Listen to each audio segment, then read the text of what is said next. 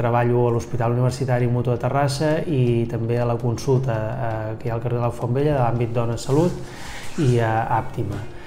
Eh, em dedico especialment a tota l'atenció al part, eh, embaràs i, i postpart i després també el tema de ginecologia general.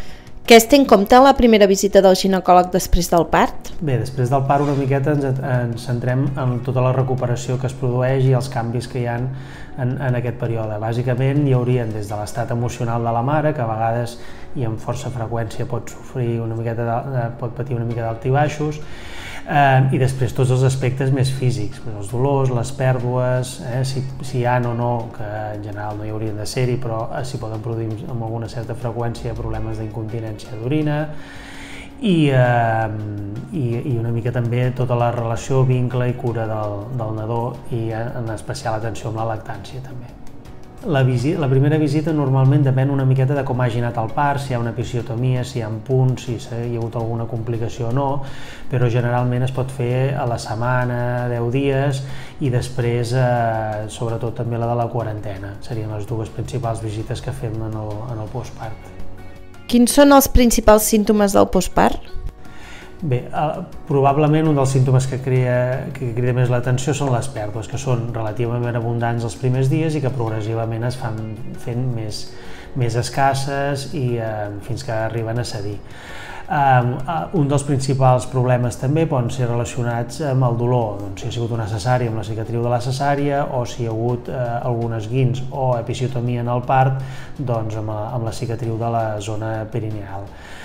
Um, altres, hi ha altres temes que realment també poden uh, una miqueta preocupar i, i ser motiu de consulta en el postpart és el tema tot el tema de la lactància. En, en, en la lactància en si, en com s'agafa el bebè, si s'alimenta prou, eh, però també amb algunes de les complicacions que poden anar associades a la lactància, que poden ser doncs, els acúmuls de llet, sinó eh, les mastitis, etc i que també són una font de, de, de molèsties i de, i de preocupació i de consulta en, en aquest període.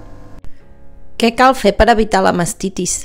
Bueno, bàsicament un dels, eh, un dels punts principals per evitar la mastitis és que el bebè eh, tingui una bona presa, que agafi bé tota l'areola i, i mugró i que en les tomes buidi bé els pits, que no es quedi eh, llet acumulada ni s'hi formin doncs, eh, quistes de, els galactoceles que se'n diuen eh, i després evidentment doncs, de tota la neteja, etc. Eh? Hi ha algunes vegades que es pot recomanar alguns probiòtics que poden ajudar a evitar-les, però en general bàsicament és la presa i la, i la higiene, diguéssim i després la, les primeres hores i tomes en l'hospital, en el postpart immediat, mentre estan ingressades, és allà on abans de l'alta sí que ens intentem assegurar de que, de que hagin eh, agafat uns mínims de la tècnica correcta. No? Si hi ha males posicions, males preses o hi ha algun problema i els dubtes que, que es generin i que són absolutament normals, doncs s'intenten resoldre a les primeres tomes abans de l'alta hospitalària.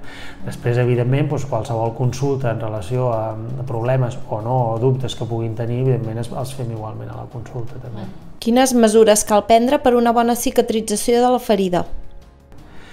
Bé, eh, eh, bàsicament les cures que s'han de fer tant la episiotomia com la ferida de la cesària són aquelles que s'han de tindre en compte amb qualsevol ferida.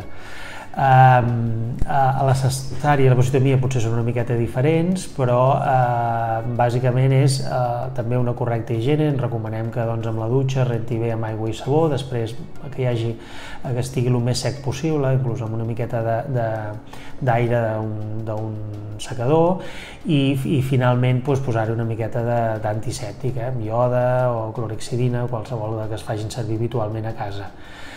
Eh, posteriorment, i un cop cicatritzat, s'han retirat els punts i de més, a vegades el que sí que es pot recomanar, perquè la cicatrització és molt, molt depenent d'un mateix, de com cicatritza ell, doncs a vegades amb la gent que té tendència a fer cicatrius exagerades, que són els queloides, doncs es recomana fer servir algun producte d'aquests derivats de la silicona en, en forma de pegats o en pomada que ajuden a que hi hagi una cicatrització més, més estèticament eh, millorada, diguéssim.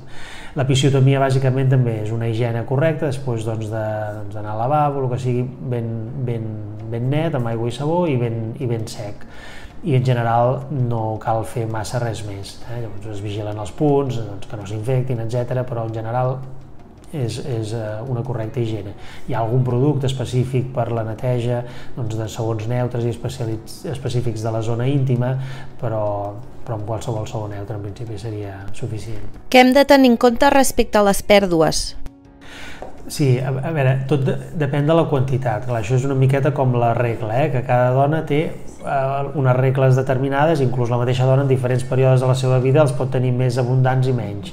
Llavors, la, les pèrdues després del part també són diferents per cadascú, inclús per cada part de la mateixa persona si té més d'un fill.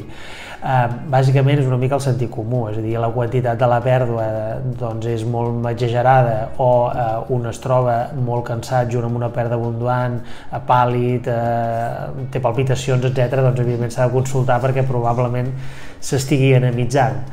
Eh, per la resta doncs, poden ser des de molt poc abundants des de molt al principi fins a bastant abundants uns quants dies.